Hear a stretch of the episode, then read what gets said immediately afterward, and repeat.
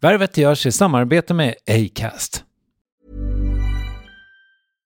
Hiring for your small business? If you're not looking for professionals on LinkedIn, you're looking in the wrong place. That's like looking for your car keys in a fish tank.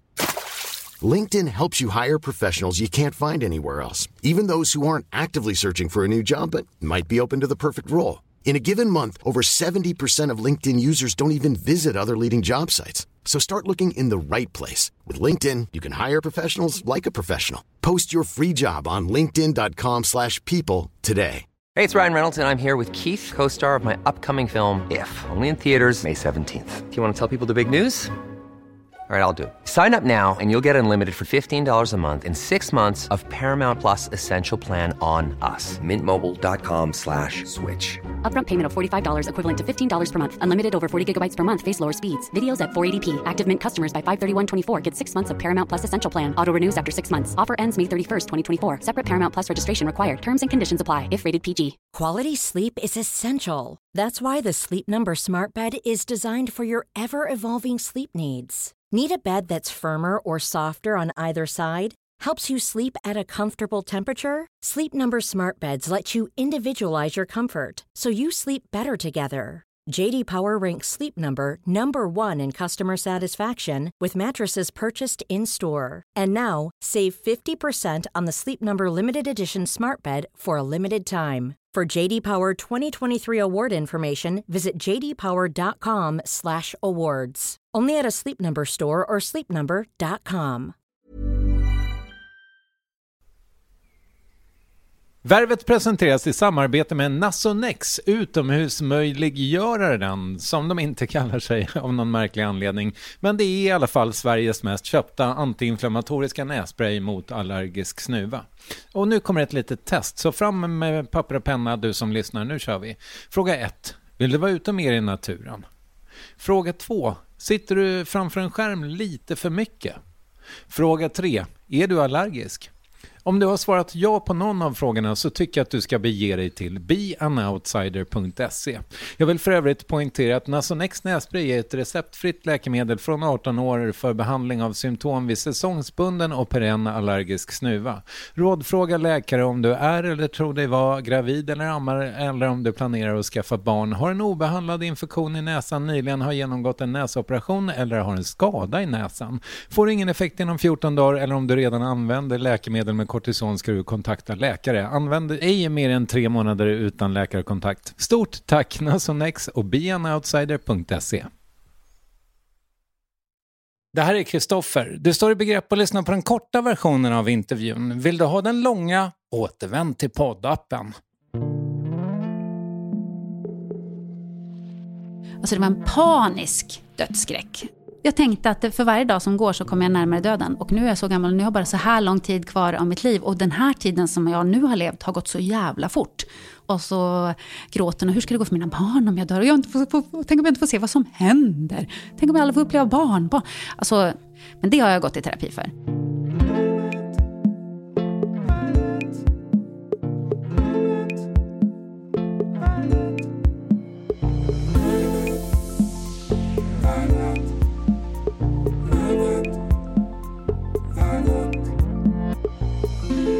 Hon har verkligen gjort mycket TV, såsom nästan 15 år med travet, Nyhetsmorgon, Let's Dance, massa idrottsgalor, OS-sändningar och långköraren Superstars. Men det var först nu i januari, över 20 år in i karriären, som Jessica Almenäs fick sin citat första och enda internationella succé, slutcitat. Och vad det gjorde med henne att få globalt beröm när Love is blind Sverige blev ett världsfenomen, det Liksom att glömma att fakturera för galor på grund av ADHD och att spela basket i 100-årsåldern ska avhandlas i Värvet avsnitt 614 med Jessica Almenäs. Fan vad roligt du måste ha haft de här veckorna ändå, som när det var sån jävla hype. Med Love is blind? Ja. Eh, ja, det var ju helt otroligt. Ja. Det var faktiskt lite av en chock att det blev så. Och det var ju väldigt länge efter att vi spelade in. Så att man hade ju nästan glömt att man hade gjort det i princip. Inte riktigt, för vi gjorde ju reunion eh, efter att programmen hade börjat sändas. Mm. Men eh, jag trodde väl att det skulle gå bra. Vi hade ju sett programmen och tyckte att de var jätte, jättebra, höll hög klass. Men så hypat som det blev, det hade jag inte kunnat förutspå. Och verkligen från jordens alla hörn, va? Ja, gud ja. Alltså det har trillat in eh, nya följare och meddelanden från eh, USA främst, men Brasilien, från Nya Zeeland, jag har fått från kompisar som bor i Tyskland och resten av Europa som skickar bilder, kolla här ligger du på första sidan på Netflix och sådär. Mm. Så det, det har ju faktiskt nått utanför Sveriges gränser. Det är ju skitcoolt. Vad gör det med dig då? Um, absolut ingenting. Nej. Nej. Okay. Nej, men jag har ju jobbat med tv i mer än 20 år nu. Mm. Så att det är inte så att jag... Det, det stiger mig inte åt huvudet om man säger Nej, så. Det är inte så att jag får hybris och tänker att jag ska ta över världen. Uh, men uh, jag brukar säga på skoj till dem jag känner att det är min första och enda internationella succé. Mm. Och det är väl något man kan njuta av ändå. Ja, men och det är, är ju um, många Särskilt då kanske i, i eh, formatets hemland Amerika som liksom tycker att du borde komma dit och leda det också. Det var ju jättekul när jag läste det. Ja, men jag förstår det. Och vad händer då? Är det liksom, mailas det liksom managements i USA, bokas flights och... Nej, nej, nej, nej. Det blir inga nej, sådana möten? Nej, så har det verkligen inte varit. Och sen är det väl, eh, jag tror att det är till och med Vanessa och Nick som har hittat på det här konceptet. Så jag tror inte att det är aktuellt att bli utbytt mot, eh, att jag ska bytas ut mot dem. Eller byta ut dem mot mig, ska Mm. jag säga. Men, eh, men det är ju roligt att det överhuvudtaget är någon som skriver det. Mm. Det är ju skitcoolt. Jag tänker att jag, jag gick ju bara in i reunion och gjorde det jag brukar göra Mm. när jag är programledare. Eh, och de har ju en liten annan stil i USA, helt enkelt. De är mer pratar mer om sig själva, relaterar till sig själva, eh, kanske tänker lite mer, vi gör en show. Och jag tänkte mer, vad sitter man och undrar på som tittare? Vad vill man ha svar på för frågor? Och givetvis att man vill göra bra tv så att det händer någonting, att det kommer lite överraskningar och att man liksom gräver i grejerna för att få fram något och inte låter dem komma undan riktigt. Men, eh, och det tycker jag gick bra. Men jag hade själv en bra känsla i kroppen, men sen vet man ju inte, det är ju inte alla som gillar den. Och Så får det vara. Men det, var, det kan inte ha varit särskilt många dagars jobb. Alltså bra bang for the buck rent uppmärksamhetsmässigt antar jag. Ja, alltså jag hade ju gärna eh, haft en större roll i programmet och gjort mer. Eh, men det är ju lite så som upplägget är, att programledaren är inte mycket mer än en ciceron under programmets gång. Liksom. Och sen är det ju reunion som man får jobba för pengarna, helt enkelt. Men ehm, nej, det var absolut inte så många dagars jobb. Superstars till exempel, då är vi borta tre och en halv vecka och spelar in varje dag. Det är Ja. ju något annat. Ja, men jag förstår det, precis. Ehm, Men du, eh, det här med ber- beröm från hela världen eh, slickar inte i dig det i någon större utsträckning? Ja, då? men lite. Men du Okej. vet hur man är ändå. Alltså man blir jätteglad när man får beröm och så eh, svävar man på moln i kanske tio minuter. Eh, men sen går man ändå vidare. Och det kanske är, eh, antingen är det min personlighet eller så är det så i den här branschen, att man liksom går vidare till nästa grej. Man stannar inte upp och njuter så länge. Och jag har ju träffat mycket idrottare i mitt jobb och de är ju lite likadana. Alltså resan fram är väldigt härlig, den är kul, man har ett mål. Så når man målet, man tar sin medalj i något mästerskap eller vad det är. Men man har ju inte tid att sitta och tänka på det, utan då ska man ju vidare till nästa grej. Och jag tror att det är lite samma i min bransch, att man njuter en liten stund och sen, ja men nu, nu gör vi något annat. Jag tror att det är mänskligt. Det kanske är det. Ja. Ja, du ska ju jobba med eh, Therese Alshammar snart. Mm. Ehm, jag vet inte hur ta- tajt ni kommer jobba. Jo, men ganska tajt tror jag. Ja, Hon ska ju sitta i soffan eh, i våran studio i Paris. Ja, men då så. Så det kommer det att bli. Ehm, och jag vet att jag frågade henne i varvet, det var liksom lite av en game changer, eller ögonöppnare för mig. Eh, för jag kommer ihåg att jag frågade henne liksom när hon slår i kaklet och tittar upp på tavlan och ser att hennes tid är snabbast, liksom, hur länge den glädjen satt i. Och då tänker jag när man har satt i handen och ser att man har vunnit så är man så superglad. Och sen får man medalj. Men allt det där får medaljen, det är inte heller någonting jag har njutit av. Så Okej. man, det är väldigt kort. Det är så här, ja, jag vann. Eh, tack, grattis alla andra och gud vad kul. Och så vill man tacka dem man har jobbat med och de som har hjälpt en. Och sen, klart. Ja, men jag tror, det kanske är en del, för idrottare tror jag i alla fall, av framgångsfaktorn, att man inte stannar kvar för länge i det som har hänt. Och det är klart att det är tråkigt att man inte kan njuta mer av det, men det är väl eh, drivet som gör att man blir så pass bra i idrott tror jag, att man hela tiden hittar ett nytt mål, men nu ska jag vidare till det här, nu är det det här som gäller, och så blickar man framåt mot det, istället för att liksom blicka bakåt och stanna kvar i det som har varit. Och sen tänker jag mig också, du är ju ändå gammal lagidrottare. Mm. Där tror jag att det kanske är en annan grej. För att säga att det är stafett då, nu stannar jag kvar i Therese värld, mm. liksom. Mm. och att hon har kört sista sträckan, då får hon ju komma upp och möta sina lagkamrater och hoppa i en liten glad ring liksom, tänker man sig. Och det, ja, nu vet jag inte hur jag ska föra in det här i ditt liv. ja, men ja, kanske, nej, det är klart att det blir lite svårt, för du kallar inte ihop hela Love is blind-gänget heller och dansar i en liten ring. Nej, men eh, om man ska föra över det till min värld då ja. kanske. Till exempel eh, så gjorde jag två idrottsgalor här på en vecka. Mm. Då sitter man ju efter galan och ventilerar mm. och snackar med sina arbetskamrater. Man vill gärna prata ner det man har gjort. Där och då kan man ibland sitta och njuta av att fan vad bra det blev. Äh, det mm. här blev ju jäkligt lyckat liksom. Och också prata igenom, fast det där hade vi kunnat göra bättre och så. Och det tror jag är alltså för, för mig är det väldigt viktigt. Och det är lite samma med Love is blind. Att vi ses efteråt och kanske tar en middag eller eh, en lunch eller någonting. Och så sitter man och snackar och bara pratar om programmet med folk som eh, har varit med. Mm. För det går liksom inte riktigt att prata med, med min kille eller med mina kompisar och sådär. Utan man vill gärna sitta med de som har varit i samma bubbla. Och där kan man verkligen prata av sig, njuta, skratta eh, prata vad kan vi göra bättre nästa gång och sådär. Och det, och det tror jag är faktiskt eh, väldigt viktigt. Fick du göra det med Love is blind då? Ja, vi har i alla fall planerat att vi ska göra det. Mm. Vi hade ett litet julbord. Okej, okay. mm, mm. jag fattar. Eh, men, och då, det var ju innan någon hade sett något antar jag? Exakt. Mm. Utanför bubblan? Ja, men då kände vi ändå att det här är bra program. Så mm. oavsett eh, vad folk tycker så har vi i alla fall gjort riktigt bra program. Vi ska, jag, jag har, fan, jag har o, eller kanske inte så oväntat, men jag har fler frågor om det här. Men, men det jag vill, eh, är nyfiken på också är mm, kritiken då som du får. Liksom, vad, vad gör den med dig? Eh, alltså när jag började jobba i tv så tyckte jag att det var jättejobbigt. Mm. Jag såg ju kritiken som eh, kritik mot mig som person. Eh, och ofta förstår ju inte folk att den personen som är i tv är en riktig människa av kött och blod som har känslor precis som vem som helst annars. Mm. Alltså att man blir ledsen när någon säger något elakt till en eller om en. För att man inte vet vem Legolas är, så. Ja, exakt. Mm. Exakt, eller vad man nu kan få för eh, mm. precis mm. eh, kritik som jag fick i början där när jag började med travet.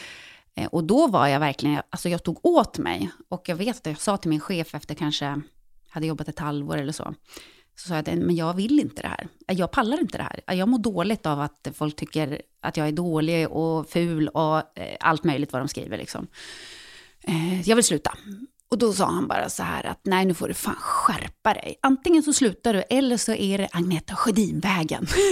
Agneta Sjödin var ju störst då. Mm. Och han bara, jag tror att du kan bli så jävla bra. Så gå nu Agneta Sjödin-vägen så gjorde jag det. Men det är klart att i många år så tog man fortfarande åt sig. Och vad, vad betyder det att gå Agneta Sjödin-vägen? Alltså att man bara krigar sig igenom det? Ja, men det betyder väl att eh, du kan komma till toppen. Eh, så kämpa på, för mm. det kommer inte vara enkelt. Okay. Mm. Och det har inte varit enkelt. Jag har jobbat jättehårt i min karriär. Eh, men, men sen tog jag ett beslut för några år sedan. Och det var att jag slutade googla mig själv. Och det har varit så himla bra för min själ, mm. kan jag säga. Mm. Så då är det så här att mycket av eh, kritik man får och så där, det går över mitt huvud. Mm. Jag läser det inte, jag märker inte, jag känner inte av det. Eh, och då bryr man sig ju inte. Men om du blir taggad i någon sån kritisk tråd på Instagram eller så? Eh, ofta så är ju folk för fega för att tagga en. Okay. Så att man mm. får ju inte så ofta se det. Men, eh, men när man får kritik så tänker jag att eh, det är inte det att jag tycker att allt jag gör är perfekt. Och jag pratar gärna om det med folk som jag litar på, till exempel mina producenter, mina chefer och sådär. Att man kan diskutera, vad kan vi göra bättre nästa gång och sådär. Men eh, annars tänker jag att alla kan ju inte gilla en. Och det är helt okej. Okay. Mm. Och det har jag nog lärt mig under mina över 20 år i tv-branschen. Ja, och hur gör man det då? Det är svårt, men jag har också gått jättemycket i terapi för att jag har haft problem med självkänslan. Just att jag har kopplat att min person är tätt sammankopplad med min prestation oavsett vad det är. Och om jag inte presterar så tycker ingen om mig. Mm. Lite så har tanken varit. Så all, alla gånger jag har misslyckats i mitt liv så har det blivit en stor kris för att jag eh, har tänkt att det här gör mig till en dålig person. Nu kan ingen tycka om mig för att jag misslyckades. Vad, är, vad, vad, är- vad kan det vara för typ av misslyckanden? Nej, men till exempel när jag gick i skolan.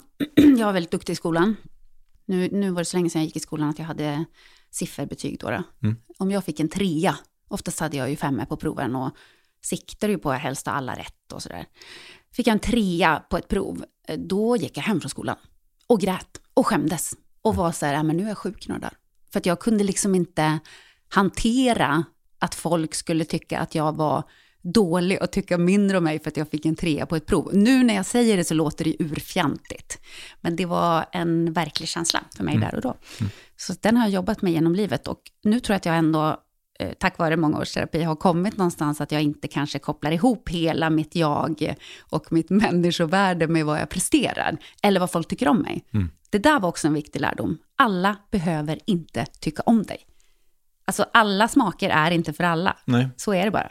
Nej, men det det är ju lätt att säga, men kanske svårt att känna att man faktiskt bot, bottnar i, tänker jag. Ja, det är väl en resa man får göra.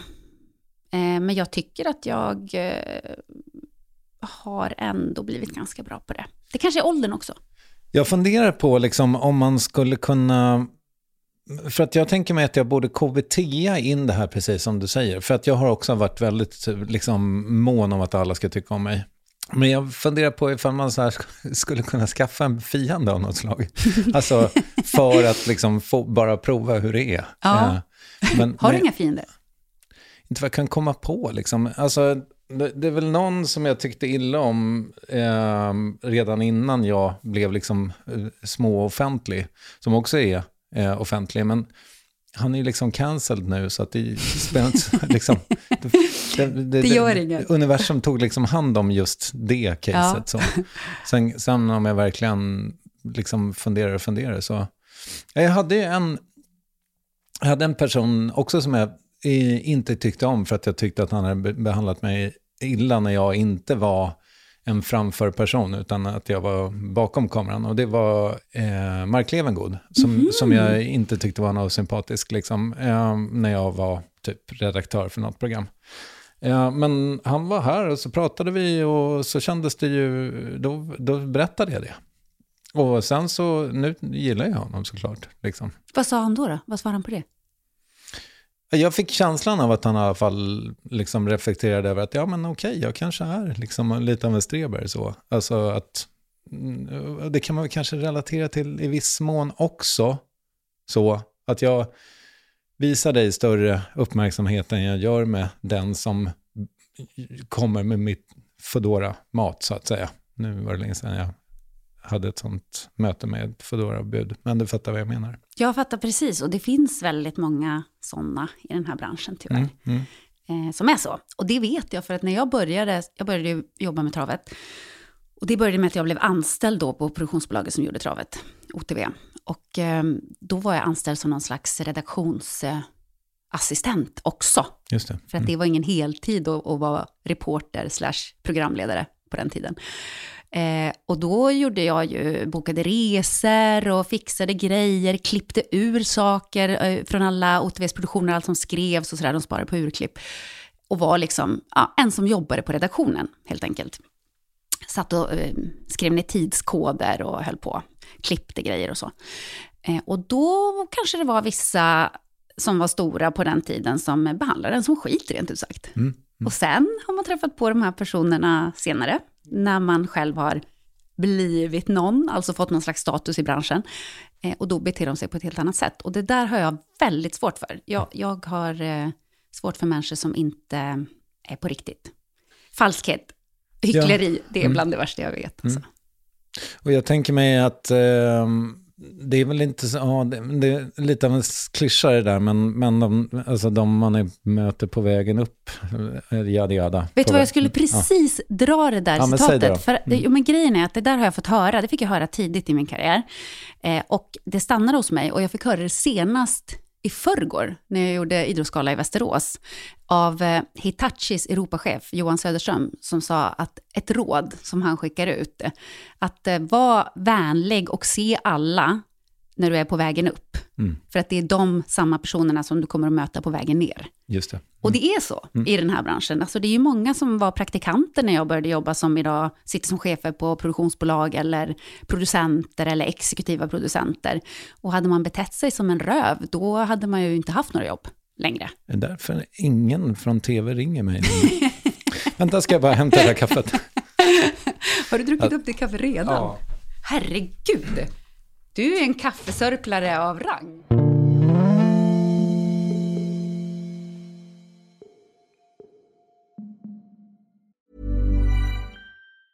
Quality sleep is essential. That's why the Sleep Number Smart Bed is designed for your ever evolving sleep needs. Need a bed that's firmer or softer on either side? Helps you sleep at a comfortable temperature? Sleep Number Smart Beds let you individualize your comfort so you sleep better together. JD Power ranks Sleep Number number 1 in customer satisfaction with mattresses purchased in-store. And now, save 50% on the Sleep Number limited edition Smart Bed for a limited time. For JD Power 2023 award information, visit jdpower.com/awards. Only at a Sleep Number store or sleepnumber.com. Hey, it's Ryan Reynolds, and I'm here with Keith, co star of my upcoming film, If, only in theaters, May 17th. Do you want to tell people the big news?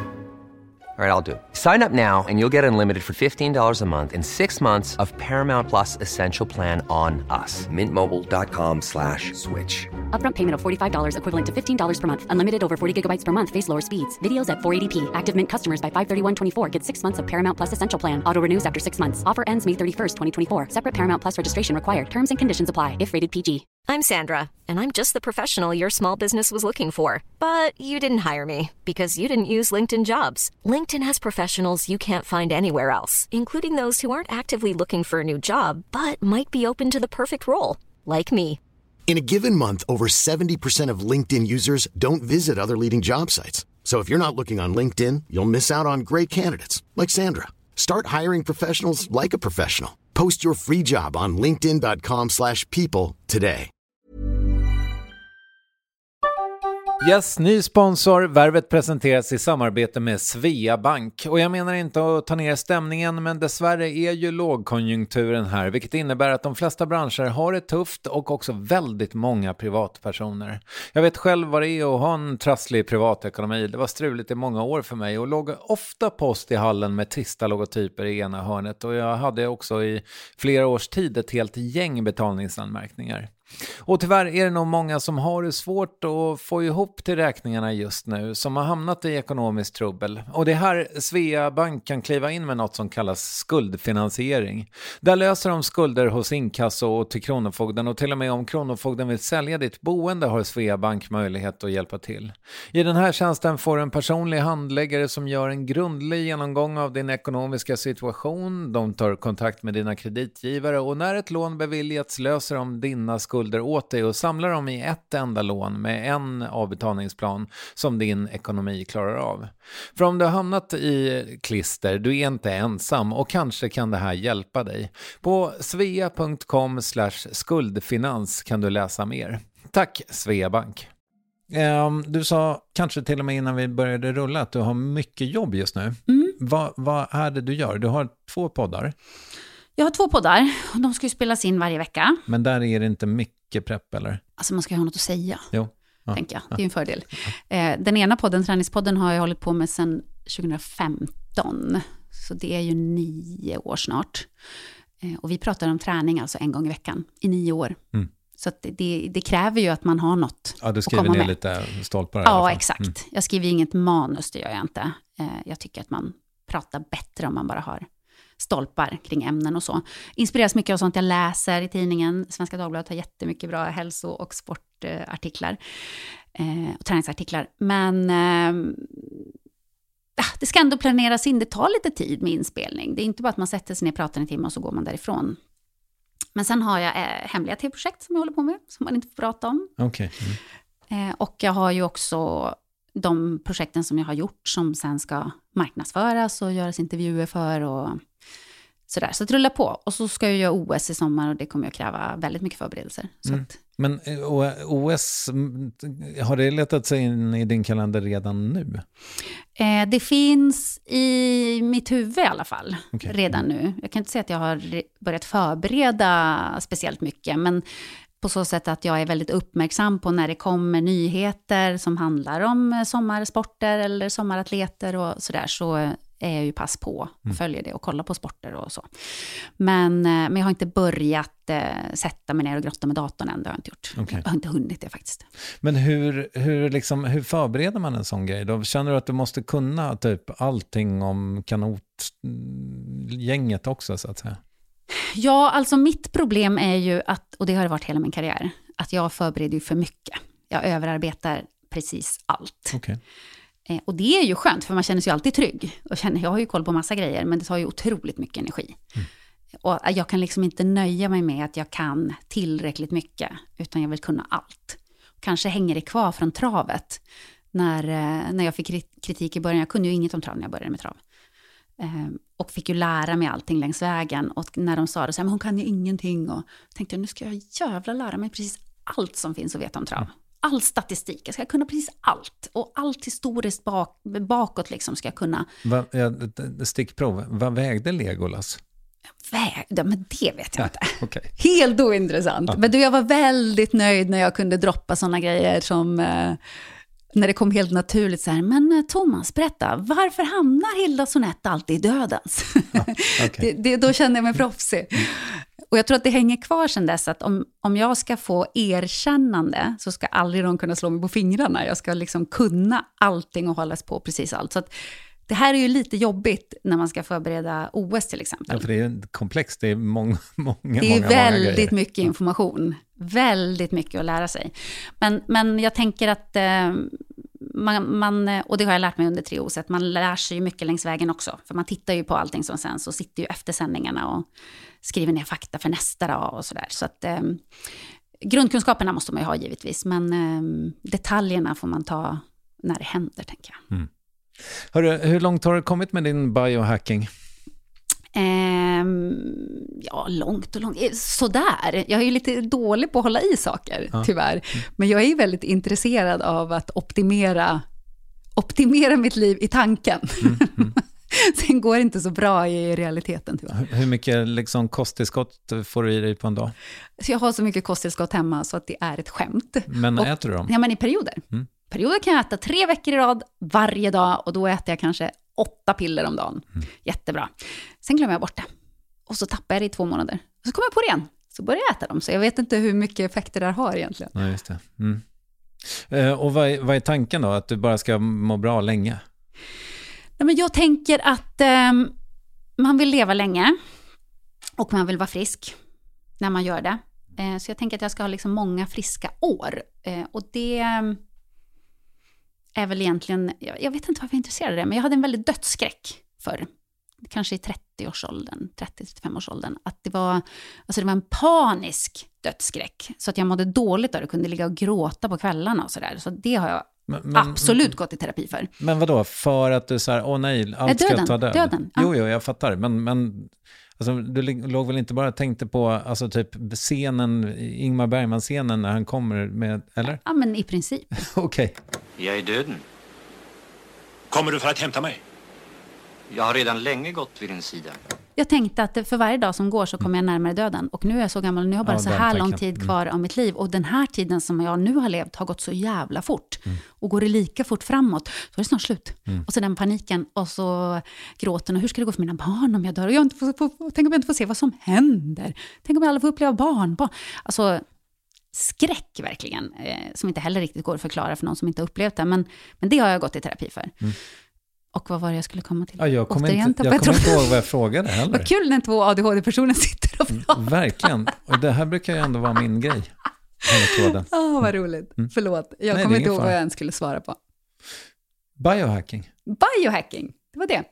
Jo, vad Ja, planen men jag var. tror att det bli äldre. Mm. intresset kommer därifrån. I grunden, alltså min dödsskräck. Lura döden. Inte luraren kanske, eh, som den här Brian Johnson som jag läste om häromdagen, som liksom vill eh, backa tiden i princip. Och han har väl lyckats med det till viss del, men så lever han i världens tråkigaste liv, så det är ju inte värt. Men kanske ändå, eh, alltså jag siktar på 110 eller något. Mm. Och då vill jag åtminstone kunna vara aktiv och idrotta tills jag är 105. Mm. Åtminstone. kan man sitta fem år och glo i väggen. Men, men eh, jag tror att besattheten av det här med biohacking, optimera, vad ska jag göra för att leva längre, eh, vad är det bästa jag kan göra för min kropp och sådär, den kommer nog från dödsskräcken egentligen. Mm. Jag är, eh, apropå det där, jag tror inte du fattar hur mäktigt jag tyckte att det var att se dig spela basket och att jag tänkte så här, men vänta, vad fan om hon kan, nu är i och för sig du yngre än jag, men ändå, om du kan, ska fan jag också börja med en, jag ska börja med en lagidrott. Så det är på min eh, to-do-list nu inför, ja, jag fyller 50 om två veckor. Har du hållit på med någon? Nej, jag har aldrig gjort det. Så att det är liksom, jag får verkligen börja från scratch. Men jag har för mig att Kungsholmen Basket har en föräldrabasket. Det borde du börja med. Ja, jag ska gå dit. Faktiskt, men det är det bästa jag har gjort. Mm. Och jag tror, eh, det näst bästa jag har gjort, det är att jag genom eh, träningspodden som jag gör då, har kunnat inspirera andra till att plocka upp sin hobby Mm. när de är äldre. Att de tänker också så här, men det är inte för sent. Men man kan spela fotboll när man är över 40. Det går jättebra. Eller hur? Mm. Eh, och, för jag tror att jag hade väldigt mycket saknat att ha det där sammanhanget som man har i ett lag. Att man har det här, vi tränar två gånger i veckan, vi har matcher på helgerna. Eh, lagkänslan, att man är en enhet med massa andra människor som man kanske inte egentligen har något gemensamt med vid sidan av plan. Men tillsammans har vi det här intresset som knyter oss samman och det tycker jag är så häftigt. Jag är verkligen en lagsportmänniska, mycket mer än individuell idrottare. Mm. Ja, det där ska jag in i i alla fall. Hörru, jag, jag tänkte bara fråga en grej också innan vi lägger på. Um, Mm. du, den, din andra podd, du nämnde aldrig den vid namn, men den heter Not Funny Anymore. Mm. Va, ska den läggas ner? Liksom, är det inbyggt i formatet? Alltså från början så var ju formatet att eh, följa Fannys resa då. Hon vägde ju 134 kilo från början eh, och har ett mål på 80 som ska nås då. Från början var det ett år, så hon stött på lite bakslag så att nu har hon skjutit fram slutmålet eh, lite grann. Och då var ju tanken att eh, när hon har nått 80 då, då är podden klar. Eh, men nu vet vi inte riktigt. Tänk att den får eh, leva sitt eget liv och se vad det blir. Mm. Eh, jag tycker att det är jättekul. Och du hinner med vara med allting? på den resan. Ja, jag hinner inte riktigt med allting. Men vad ska man göra i livet? Och vet- Men vet du vad jag har blivit bättre på? Det här är skitbra. Jag har blivit- mycket bättre på att göra saker eh, tillräckligt. Okej, det behöver inte vara perfekt. Nej, men det behöver inte vara perfekt och man behöver inte överprestera och eh, ibland så är det så här, ja men det blir vad det blir. Mm. Och det är jätteskönt att känna. Good enough. Mm. Ehm, den här intervjun, jag hoppas den blev good enough. Mm, hoppas den blir lite bättre än det. Jag hoppas. ja, fem plus. Jag hoppas. Tack för idag.